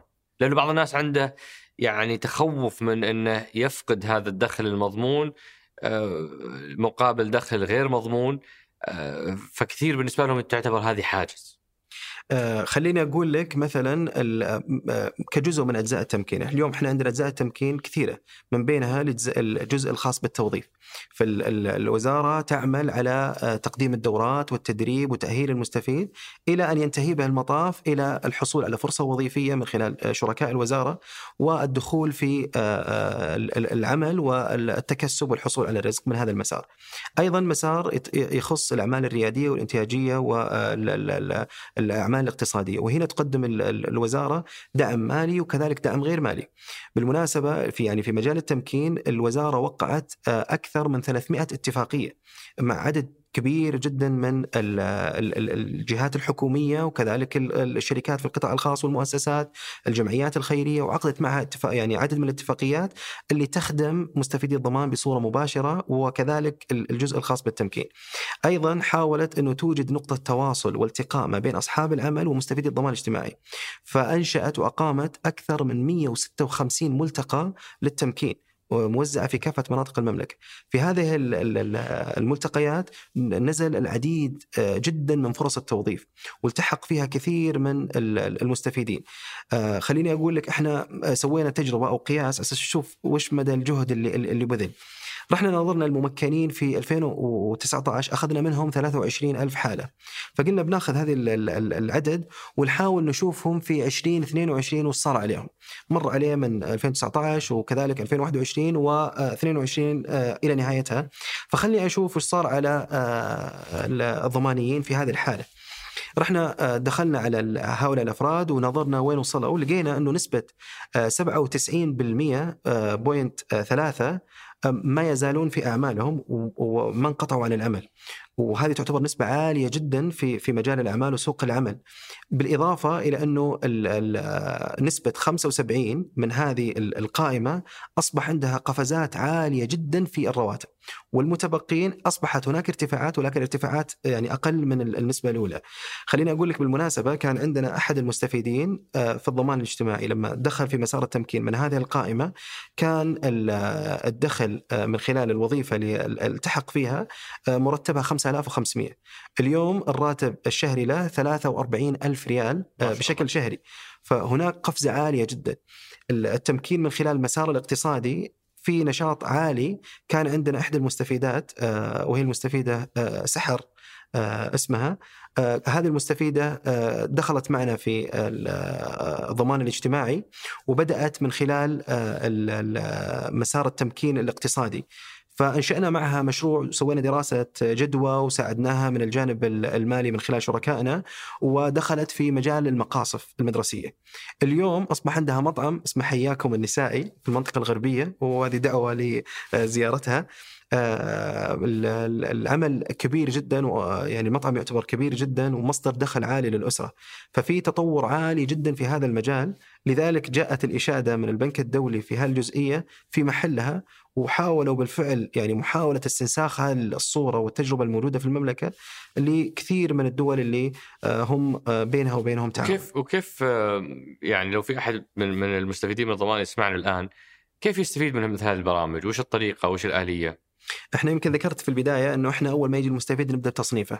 فإذا المستفيد من ضمن الفئتين المستهدفة بالتمكين وهي فئة القادر على العمل والقابل للتأهيل، الوزارة تأخذ هذه القائمة بصورة تدريجية، ولكن الوزارة وضعت على عاتقها أنه يجب أن أمر على جميع المستفيدين القابلين مو هم اللي يقدرون يتواصلون معكم، أنتم تتواصلون مع بالضبط. مع المستحقين. صحيح، الوزارة تطلب من المستفيد إثبات جديته في البحث عن العمل، فتساعده في التسجيل في منصات التوظيف آه، مثل منصة الموارد البشرية هدف وغيرها من المنصات وتلزم الوزارة المستفيد بأنه يسجل على أساس تساعده بالفعل إلى التحول إلى شخص منتج ولبنة بناء في المجتمع. وهذه كانت من من آه، يعني البركات اللي جاءت في النظام الجديد وفق للرؤية آه، أنه اليوم المستفيد ليس فقط مجرد متلقي للدعم، إنما هو شخص يجب أن يكون شخص منتج ويتم الاستفادة منه فعليا لاسرته ولمجتمعه بصورة كاملة. ولو بسأل أنا عن الأرقام بشكل عام أه أنتم في موضوع التوظيف كم كم اللي اللي فعلا وظفتوهم في السنة الماضية؟ يعني في آه، سنة 2023 إحنا آه، تجاوزنا ال 100000 آه، رقم آه، يعتبر عالي جدا فيما يتعلق بالتمكين ال- آه، وإحنا نستهدف أمانة كل سنة نزيد عن السنة اللي اللي بعدها وهذا الحمد لله قاعد يعني نحققه لما نناظر يعني مؤشر ال- الهدف ال- ال- اللي ذكرته من أهداف الرؤية وهو هدف 2 6 4 التمكين المستفيدين من الضمان الاجتماعي من خلال منظومة الخدمات ال- الاجتماعية. آه، حققنا وفق آه، مركز آه، أداء آه، ال- ال- النسبة والمستهدف وزدنا عليها كذلك. اليوم إحنا وصلنا نسبة 32% ف- وهي نسبة تعتبر وأكثر من عاليه 100 ألف وظيفة. صحيح. وإذا اعتبرنا اللي صار 2019 إن شاء الله حيستمر ف 97% من من اللي توظفوا 2019 استمروا في وظائفهم. آه، فهذه ودنا هنا رسالة للأشخاص اللي لسه عندهم حاجز ولا يلامون. هم أشخاص نشأوا وكبروا على مبدأ إنه هذا الضمان من اسمه ضمان شيء مضمون. آه، ما أبغى أخاطر وأروح أخذ وظيفة. الوظيفة ممكن آه، تنهى خدماتي و يعني أكون فوتت المضمون مقابل الغير مضمون، وش رسالتك لهؤلاء؟ أنا مهم إنه إن المستفيد يصل إلى إلى إلى إلى معلومة يعني أساسية بشكل عالي جدا، اليوم الضمان الاجتماعي هو صديق لهذه الأسر. وهو شريك معها في التحول إلى آه، ال- ال- ال- الإنتاج والبناء ورفع مستوى المستوى المعيشي. في اليوم الضمان الاجتماعي لا يمكن أنه يحول الشخص إلى أو يساعد الشخص في الوصول إلى إلى وظيفة ثم يتركه بصورة كاملة، إنما هو يستمر آه، في توفير الفرصة وكذلك السعي إلى تحفيز هذه الأسرة في زيادة الدخل. لو افترضنا أنه اليوم حصل هذا المستفيد على الدخل من الوظيفة، هل راح يتوقف عنه الضمان الاجتماعي بصورة كاملة؟ الجواب لا. إنما الضمان الاجتماعي مثل ما ذكرنا قاعدته الأساسية هي تجاوز الحد المانع. إذا كان الدخل ال- من الوظيفة أعلى من الضمان الاجتماعي فهو لا شك أفضل من الضمان الاجتماعي وبالتالي أصبحت الأسرة مستغنية عن الضمان الاجتماعي. بين- سابقا كان أول ما يتوظف يتوقف الضمان؟ الاجتماعي. نعم. اليوم لا. اليوم إحنا ننظر إلى ال- الدخل بصورة كاملة. أنت موظف ودخلك منخفض أنت مستحق للضمان الاجتماعي. بس ما في ما في راتب أقل من 1300 يعني آه، هي فرضية غير غير واقعية. إحنا نتكلم عن ليس الفرد بصورة واحدة. لما نتكلم عن الوظيفة فإحنا نتكلم عن الأسرة داخل مثل ما الأسرة. ذكرنا. فلو افترضنا أسرة مكونة من خمسة أشخاص ستة أشخاص فليس دخلهم ال- فليس حد ال- ال- الحد الأدنى احتساب المعاش هي 1300 إنما هو يصعد مع الأسرة. بالإضافة إلى انه الراتب إحنا ناخذ منه 50% فقط كاحتساب. اي فأنت تتكلم عن رقم أقل بكثير. فاليوم أنت ممكن تكون ضماني وفي نفس الوقت على رأس العمل. فهذا يعني آه، أمر آه، إضافة إلى آه، وجود الضمان الاجتماعي هي وجودك وجود مصدر داخل مصدر دخل آخر وهو مصدر الوظيفة. ودي أبو إبراهيم أمر على مجموعة من أسئلة الأصدقاء اللي اكرمونا فيها. هنا في سؤال إحنا عرجنا عليه شوي بس ممكن أخذ تعليقك عليه، هذا يقول نظام الضمان يشجع على تجنب التوظيف لأنه ينهي يعني ينهي الضمان. فصار في مفهوم اسمه توريث الضمان، الأب يمنع عياله من العمل حتى ما ينقطع الضمان. آه، ليش ما يكون فيه آه، تحفيز للتوظيف بمعنى إذا توظفت ثلاث شهور آه، خلال فترة التجربة ما ينقطع الضمان إلى آخره من سياسات تحفز على عدم انقطاع الضمان وربطها بأنه يصير عندي دخل، فأنا حتى لو توظفت ب 6000 7000 ليش ليش توقفونها فورا؟ خليني أتجاوز فترة التجربة أطمئن أرتاح وبعدها وقفوها، وش رأيك؟ يمكن أنا قلت قبل شوي إنه ترى الضمان الاجتماعي هو صديق الأسرة. أي فهو آه، مع الأسرة آه، آه، ما دامت هذه الأسرة موجودة. اليوم لو افترضنا إنه أسرة عندنا أصبحت غير مستحقة من الضمان الاجتماعي لأي سبب من الأسباب. ثم بعد ذلك عادت الأسرة واصبحت مستحقة للضمان الاجتماعي، الضمان الاجتماعي يستقبل هذه الأسرة. أي. فإحنا اليوم نقول إذا طلعت مو معناته إنه انتهت العلاقة انتهت العلاقة بالضبط إنه متى ما انخفض دخل الأسرة فإن فلا سمح الله لو. انتهى عملك فأنت تماما. تقدر ترجع. ولذلك حتى ترى من جانب التمكين الضمان الاجتماعي يستمر مع ال- المستفيد من خدمات الضمان الاجتماعي في الدعم وإحنا عندنا برنامج خاص نسميه برنامج إدارة الحالة. فإحنا نساعد هذا المستفيد حتى بعد آه، خروجه من الضمان الاجتماعي ال- مثلا في دراسة الجدوى نساعده حتى في توفير ال- ال- الخدمات المالية وغير المالية في الأنشطة التجارية. وكذلك نساعده في ال- الترقي في أعماله الوظيفية. ومساعدته كيف يستطيع يطور من نفسه حتى يكون بالفعل آه، يعني آه، مطمئن ومستقر بصورة كاملة من وظيفته الجديدة. آه، في أسئلة كثيرة من السيدات تحديدا السيدات اللي في سن العمل إنه ليش تجبرونا على العمل؟ وإحنا ما عندنا عائل للأطفال ور- وراعي في البيت غير غيرنا. يعني في حالات كثيرة ال- ال- المرأة صحيح إنها في سن عمل بس هي غير قادرة على العمل. كيف تتعاملون مع الحالات هذه؟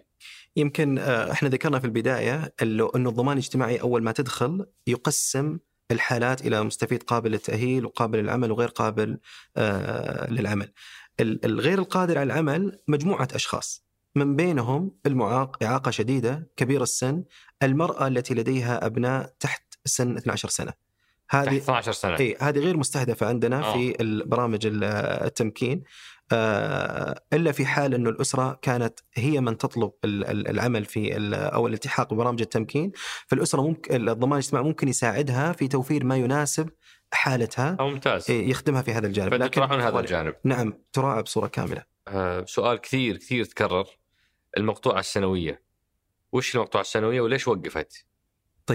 ال- الضمان الاجتماعي ال- ذكرنا في في في مراحل آه، التحول اللي صار في الضمان الاجتماعي أصبح هناك نقلات آه، كثيرة.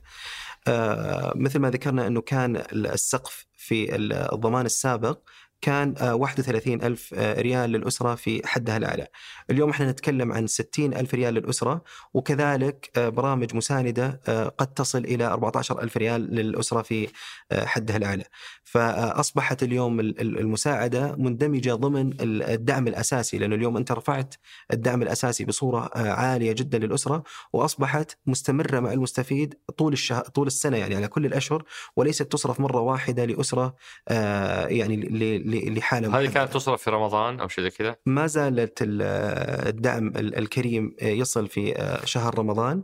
مكرمة أعلنت السنة الماضية وكذلك السنوات السابقة لها. وهذه دعم يقدم من المقام الكريم.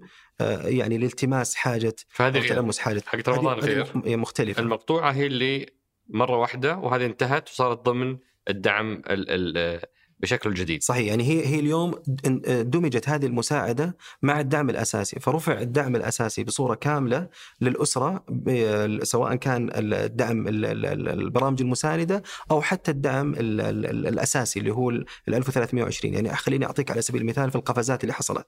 لما نتكلم مثلا في النظام السابق عن التابع التابع كان يحصل على 280 ريال. اليوم أنت تتكلم عن 660 فأنت تتكلم عن ثلاثة أضعاف. لما تنظر إلى مجموع هذا هذا الرقم ونضربه في 12 آه، شهر في عدد التابعين الموجودين في الأسرة فأنت تتكلم عن رقم يتجاوز المساعدة المقطوعة بشكل كبير جدا. آه، دمجت مع ال- الضمان واصبحت ثابتة وليست مؤقتة وأصبح ال- الدعم كامل للأسرة ومستمر.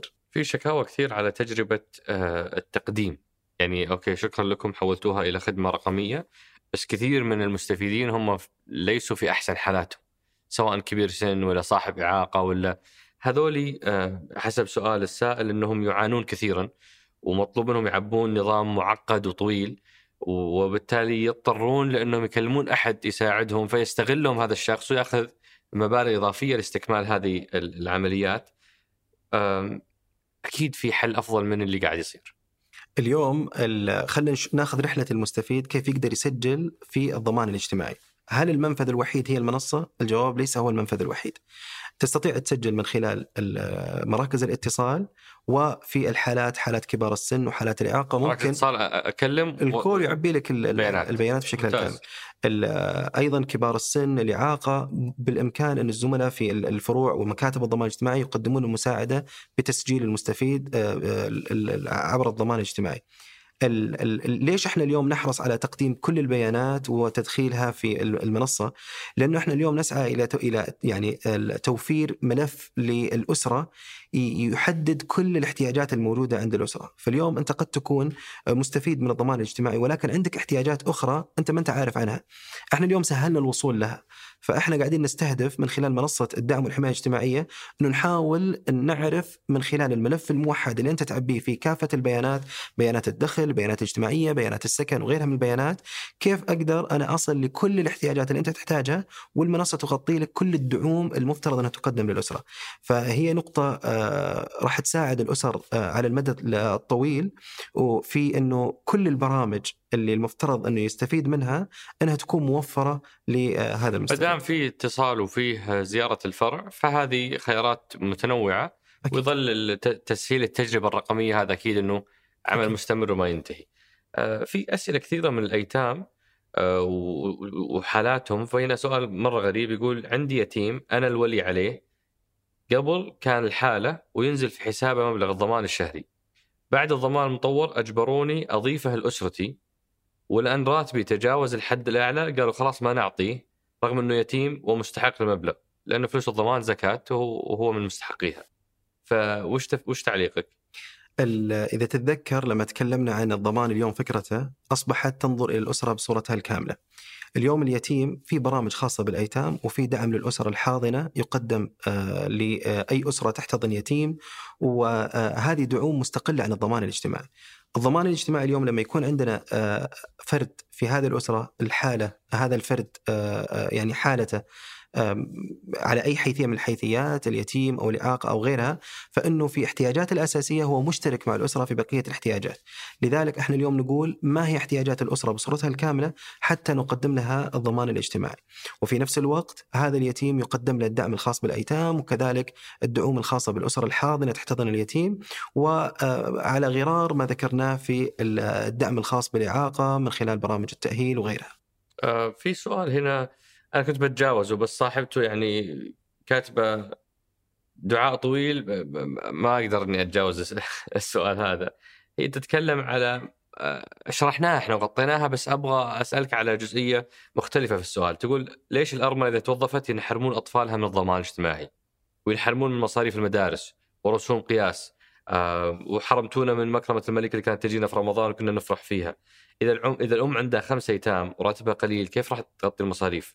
آه، فذكرت مجموعة من حالات ال- آه، آه، الضرر اللي آه، تصفه نتيجة إنها توظفت. وهي لو نظرت لدخل ال- الوظيفة لربما كان أوسع افقا من مبلغ الضمان لكنه يعني ينظر لمبلغ الضمان بأنه حق ثابت فوق البيعة. ما نبغاه يروح. توظفت فهذا أبغاه ضمان دخل إضافي لي. وش وش يعني وش دوركم في توعية هؤلاء الأشخاص إلى النظر إلى سعة الوظيفة ودخلها مقابل محدودية الضمان آه، آه، اللي ينتهي بمجرد حصولك على وظيفة بدخل عالي. لأن هي يعني الحالة هنا يب- يبدو إنه لأنها توظفت فتوقف الضمان عنها ومزايا الضمان آه، عن أبنائها. ال- ال- التمكين يمكن ذكرنا فيه جزئية مهمة وهي أنه يأخذ الأشخاص من أشخاص متلقين للدعم إلى أشخاص آه، مكتفين عن الدعم من خلال رفع المستوى المعيشي. متى ما كان ال- ال- الدخل الوارد من الوظيفة أقل من الحد المانع فإن الأسرة آه، ستستمر مستحقة للضمان الاجتماعي.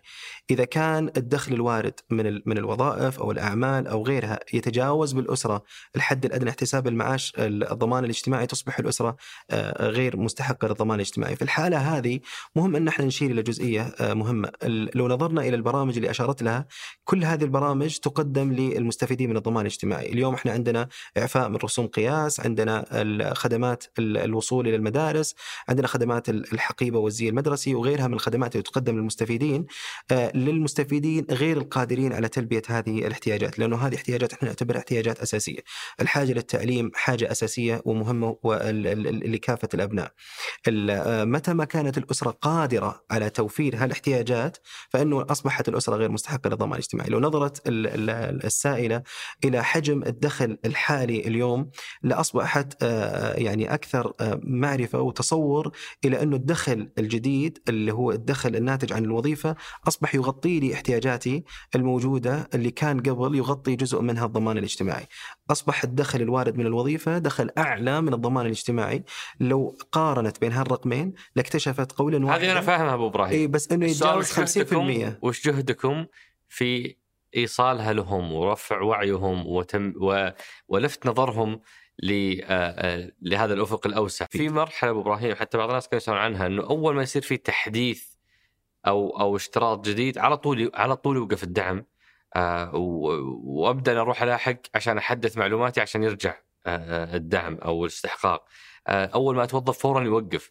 في مرحلة في النص قد تحتاج إلى إرشاد نفسي، إرشاد معنوي، إرشاد آه، آه، في في عدة جوانب لمساعدة هذا الشخص على تجاوز مرحلة ال ال ال آه، الاعتماد المطلق على موضوع الضمان، بمعنى أنه هل تسوون جلسات أو إرشاد معين للشخص اللي يتوظف؟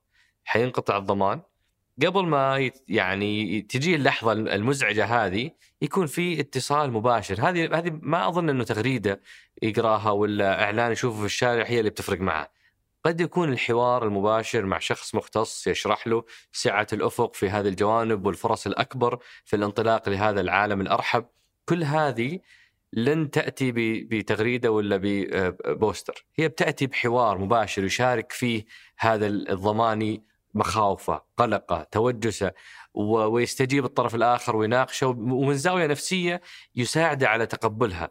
هل في شيء من هذا النوع اليوم إحنا آه، قبل ما تبدأ مرحلة التمكين يجب أن يكون آه، في تعاون ما بين المستفيد وكذلك موظف الوزارة اللي هو موظف نسميه إحنا إدارة الحالة اللي أشرت له آه، قبل قليل.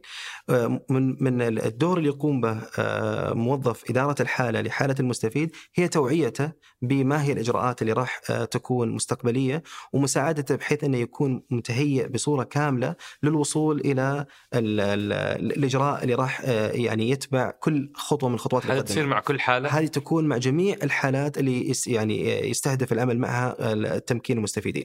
إحنا عندنا إدارة الحالة المفترض إنه يجلس الموظف إدارة الحالة مع المستفيد ويحاول يشرح له ويوصل له ما هي الخطوات اللي قاعدة تتم ويساعده في اختيار حتى ال- النشاط المفترض إنه يكون فيه، يعني هل المفترض إنه يكون عنده نشاط مثلا اقتصادي؟ هل المفترض إنه يكون لا مشاريع اللي أو التدريب والدورات والتأهيل اللي راح يوصلها في النهاية آه، إلى وظيفة. وإحنا في الوزارة أنشأنا آه، عيادات خاصة سميناها عيادات التمكين. ودور العيادات هي تقديم المعرفة هذه للمستفيدين آه، نستقبل المستفيد فيها ونحاول نعرف وين نقاط الخلل الموجودة عند المستفيد كيف نستطيع نأخذ بيده لتجاوز أي تحدي تحدي طبي تحدي اجتماعي وش الحاجز اللي قاعد يعني يعيق المستفيد عن الوصول الت- التمكين المفترض. منه. آه، أيضا في عيادات التمكين نشرح للمستفيد بصورة كاملة عن ما هي الخطوات ال- المستقبلية، أنت اليوم آه، راح تقدم على خطوة التمكين، آه، آه، وش الإجراء الصحيح؟ أنت بتروح بالجانب الاقتصادي، وش الفكرة اللي عندك؟ وش تحتاجها؟ كيف أقدر أساعدك في دراسة الجدوى؟ من وين راح يكون في التمويل المالي؟ من هم الشركاء اللي ممكن ياخذون بيدك ويساعدونك في تحقيق ال- ال- المستهدف اللي أنت تطمح للوصول له. عيادات التمكين حققت العديد من الإنجازات آه، زار زارها كثير من المستفيدين الموجودين عندنا في الضمان الاجتماعي وحقيقة سوت نقلة كثيره للموجودين اليوم آه، من خلال عيادات التمكين آه، كان يزورنا عدد من المستفيدين السابقين فكان يجي يقول أنا فقط بس حاب أقول لكم ترى أنا اللي كنت عندكم قبل فترة واليوم أنا وصلت للمكان الفلاني وهذه حقيقة كانت رسائل تعطي الفريق بصورة كاملة يعني دعم كبير إنه بالفعل حالة بدينا فيها قبل فترة واليوم هي أصبحت يعني في وضع أكثر آه، يعني أكثر تميز وأكثر جودة. إحنا مثل ما ذكرنا عندنا مبادرة اللي هي مبادرة إطلاق العديد من الحملات الإعلامية والتوعية والارشاديه للمستفيدين. الوزارة أطلقت آه، عشرات الحملات اللي سبقت إطلاق الضمان الاجتماعي وبعد إطلاق الضمان الاجتماعي أصبحت هناك آه، عدد كبير جدا من ال- الحملات الإعلامية. ولعله ال- المنابر الإعلامية اليوم لقائنا هذا إنه يعرف المستفيدين بالضمان الاجتماعي وما هي ال ال ال ال ال الأشياء اللي يفترض إنه توفر لهذا المستفيد وما هي ال- ال- الجهود والإجراءات الواجب على المستفيد بذلها والمساعده أنه آه، تأخذ ال- الوزارة بيده للوصول إلى رفع المستوى المعيشي. اليوم الفكرة الأساسية هي تحويل المستفيد إلى مستفيد آه، مكتفي عن الدعم، هذه هي نقطة أساسية وإحنا بالنسبة لنا في الوزارة وضعناها ال- الجزئية رقم واحد من الاهتمامات الخاصة بالمستفيدين ال- الضمانيين. من المهم جدا الإشارة إلى أنه آه، عدد من اللقاءات الكثيرة اللي الوزارة اشارت للمستفيدين من خلالها آه، عدد من المنابر اللي تكلمت آه، من خلالها. اليوم إحنا عندنا حساباتنا على منصة إكس وكذلك آه، عدد من ال- ال- الظهور الإعلامي اللي ظهرته ال- الوزارة. موضوع آه، مكافآت الجامعة أول ما تحسبونها الحين تحسبونها؟ المكافآت الجامعية ما تحسب من ضمن ال- الدخل اللي آه، يحسب اليوم للضمانيه آه هذا مؤكد. هي الضمان ليش بعض الناس يقولون آه، إنها تحسب؟ ضمن دخل الأسرة. اليوم ال- ال- المستفيد لما يجي يدخل ال- البيانات أحيانا يدخل البيانات بصورة غير صحيحة فبدال ما يكتب آه، مكافأة يكتب إنه آه، راتب راتب. راتب, جامعي فلما آه. تكتب راتب أنت هنا آه، تحول إلى إلى إلى عمل بينما هي مكافأة وليست راتب. ممتاز هذا التوضيح فيعني سؤال قبل الأخير آه لماذا تحسب الحوالات الشخصية كدخل وعلى أساسه أستبعد من الضمان الاجتماعي؟ أنا أحيانا أخذ قرض أصلح سيارة أو أرمم بيت آه وأنوي أني أسددها من مبلغ الضمان آه ولكن أول ما تشوفون حوالة توقفون عني الضمان. آه تحدث الحالات هذه؟ إحنا عندنا ربط مع البنك المركزي ومتى ما توفر في حساب المستفيد خلال فترة ممتدة آه، إلى ستة أشهر وجود مبالغ مرتفعة جدا إحنا نعتبر هذا آه، آه، الشخص لديه ما يوفر احتياجاته الأساسية. فلما خلنا يعني آخذك في حالة ونحاول نفهم وش المقصود بهذا الإجراء. لو افترضنا إن إحنا عندنا أسرة لديها حساب بنكي فيه مبلغ يتجاوز مثلا يعني خليني أعطيك رقم 500 ألف 600 ألف في الحساب وجالس هذا المبلغ من فترة طويلة.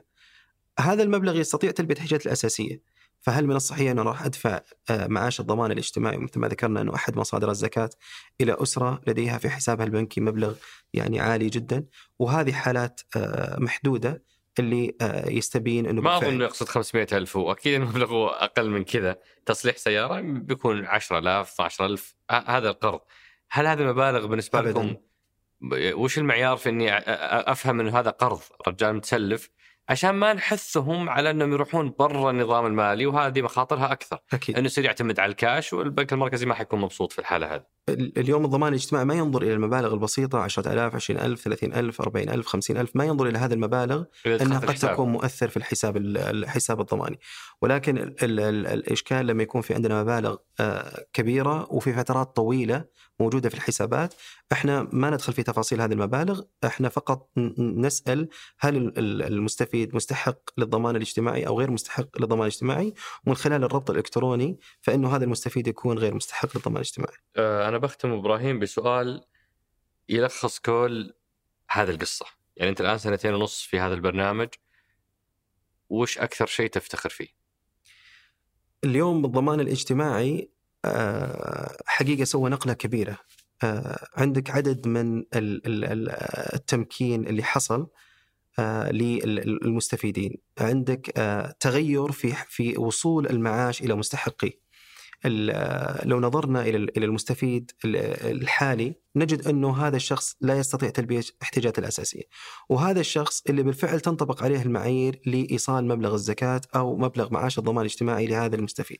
في اليوم لما آه، أشوف أنه الضمان الاجتماعي أصبح يصل إلى مستحقيه بالفعل وأصبحنا اليوم نأخذ بيد هؤلاء المستفيدين للوصول إلى حالة أعلى وحالة أوسع من مصدر الدخل وتحويل هؤلاء الأشخاص من أشخاص متلقين للدعم فقط إلى أشخاص أصبحوا منتجين اليوم لما آه، نشوف آه، حالات في ملتقى التمكين مثلا في المنطقة الشرقية زارتنا آه، إحدى السيدات الكريمات وذكرت إنه أنا إحدى الأسر اللي كنت أتلقى الضمان الاجتماعي واليوم من خلال برامج التمكين الاجتماعي أصبح لدي موظفين أنا أقدم لهم رواتب. فلما يعني تشوف هالحالات هذه حقيقة تدعوك إلى الفخر. اليوم لما يشيد في آه، جهودك البنك الدولي والدور اللي أنت تقوم فيه هذا حقيقة يدعوك للفخر. لما تشوف التنافس الكبير إحنا عندنا اليوم 300 آه، يعني 430 ألف أسرة آه، سعت للوصول إلى التمكين هذا يدعوك للفخر. لما أشوف أنه عندي 200 ألف أسرة استغنت بصورة كاملة عن الضمان الاجتماعي هذا أمانة يدعوني للفخر. لما أشوف التحول في الضمان الاجتماعي اليوم الضمان الضمان الجديد وفق رؤية المملكة 2030 وضع أنه تحديد الحد الأدنى لمعاش الضمان الاجتماعي في المادة 15 آه، بقرار من آه، مجلس الوزراء. فأصبح اليوم تدرس وزارة المالية ووزارة الاقتصاد ووزارة الموارد البشرية الرقم الصحيح المفترض أنه يكون مناسب ليكون الحد الأدنى تبعيد الأساسية. فيصي يعني يصبح عندنا في سنة واحدة تغييرين. إحنا انتقلنا من آه، 1000 ريال للعائل و280 إلى 1000 مفهومية والتابع آه، 550 بعد كذا نقلة أخرى آه، خلال آه، السنة 1320 للعائل و660 للتابع. أنت تتكلم حقيقة عن شيء بالفعل يدعوك إلى الفخر. اليوم من أعلى الهرم الموجود عندنا في المملكة إلى جميع الفريق الموجود في الوزارة قاعد يسعى ويتحرك بصورة حقيقية لتقديم الدعم المباشر للمستفيدين. رؤية المملكة اليوم أمانة كانت يعني تحول كبير ونقطة انطلاق آه، واسع جدا للمستفيدين حولت كثير من الأشخاص في فترات طويلة كان متلقي للدعم آه، كان شخص عنده كثير من التحديات اليوم أصبح آه، ينظر إلى ال- ال- ال- الحياة بنظرة طموحة ينظر بنظرة متفائلة أصبح آه، شخص مكتفي بنفسه ما عاد بحاجة إلى إلى دعم اجتماعي. هذه كلها حقيقة من من صور ال- ال- الفخر. اليوم لما نشوف الجهود الكبيرة اللي تبذل آه، سمو آه، ولي العهد ال- ال- الفريق بالكامل نشوف في آه، جهود وتعاون عالي جدا مع هذه الفئة وحرص أكيد يخليني أمانة بالفعل أدعو يعني أشعر بالفخر بشكل كامل. ويجعل علي الحقيقة يعني حمل كبير إنه أحاول بالفعل أظهر الصورة آه، كما هي موجودة. اليوم ال- ال- ال- الدعم عالي الدعم كبير. ال- الأسرة تحولت من 31 ألف مثل ما ذكرنا في بداية اللقاء آه، 60 ألف الأسرة بالدعم الكامل. أنت تتكلم عن أرقام كبيرة. كافية إلى انه تساعد هذه الأسرة بالفعل الانطلاق إلى إلى إلى الحياة بصورة أو نظرة للحياة بنظرة مختلفة. الكثير من من البرامج المساندة، دعم كهرباء، دعم غذاء، تتكلم عن تسهيل الوصول إلى المدارس، عندك الإعفاء من رسوم قياس، آه، تتكلم عن دعم خاص بالحقيبة والزي المدرسي، تتكلم عن دعوم كثيرة جدا قاعدة تقدم للمستفيد بصورة مباشرة، في تعاون كبير من الجهات. عندنا تعاون مع ال ال ال ال ال الوزارات ب آه، يعني ال- ال- صورة عامة. لما تشوف الحقيقة في إشادة بالأعمال اللي قاعدة تقوم فيها هذا يدعوك للفخر، اليوم إحنا ال- الوزارة حصلت على آه، جائزة الملك عبد العزيز للجودة آه، والتميز المؤسسي، آه، هذا بحد ذاته يعني يجعل الفريق بالكامل يتقدم إلى الأمام وهو وهو سعيد. لما أشوف إنه إحنا حصلنا على ال- المركز الأول في جائزة التواصل مع آه، فرق التطوع وحصلنا عليها في إكسبو في الشارقة ال- في فترة ماضية، هذا يخلينا أمانة نكون نكون بالفعل آه، فخورين جدا. لما نحصل في ال- ال- ال- المرة التالية آه، يعني مرتين على التوالي نحصل على جائزة في ال- ال- ال- الجهود المبذولة في التحول الرقمي، هذه كلها تخليني أمانة سعيد. لما أتواصل مع أسرة ونحاول نساعدها للحصول على الضمان الاجتماعي وبعد فترة أشوف التغير قاعد يصير مع هذه الأسرة وال, وال, وال يعني التقدم إلى الأمام وال- والدعم الكبير اللي قاعد يصير هذه كلها أمانة تدعوني للفخر والاعتزاز بالجهود المبذولة وتخلي علي أمانة يعني آه، على المستوى الشخصي وكذلك الفريق بشكل كامل يعني مهمة كبيرة وهي كيف نقدر نطور، كيف نقدر نطلع للأمان الأمام، وش الخطوة القادمة؟ ال- أنت لابد انه يكون عندك مواكبة للجهود المبذولة بشكل كامل وتعاون مع كافة الجهات بحيث أنه دائما تستمر آه، في المقدمة، اليوم إحنا عندنا رضا عالي ال- ال- الإشادة من من جهات كثيرة جهات داخلية وجهات لها اعتبارها في ال- العالم بصورة كاملة.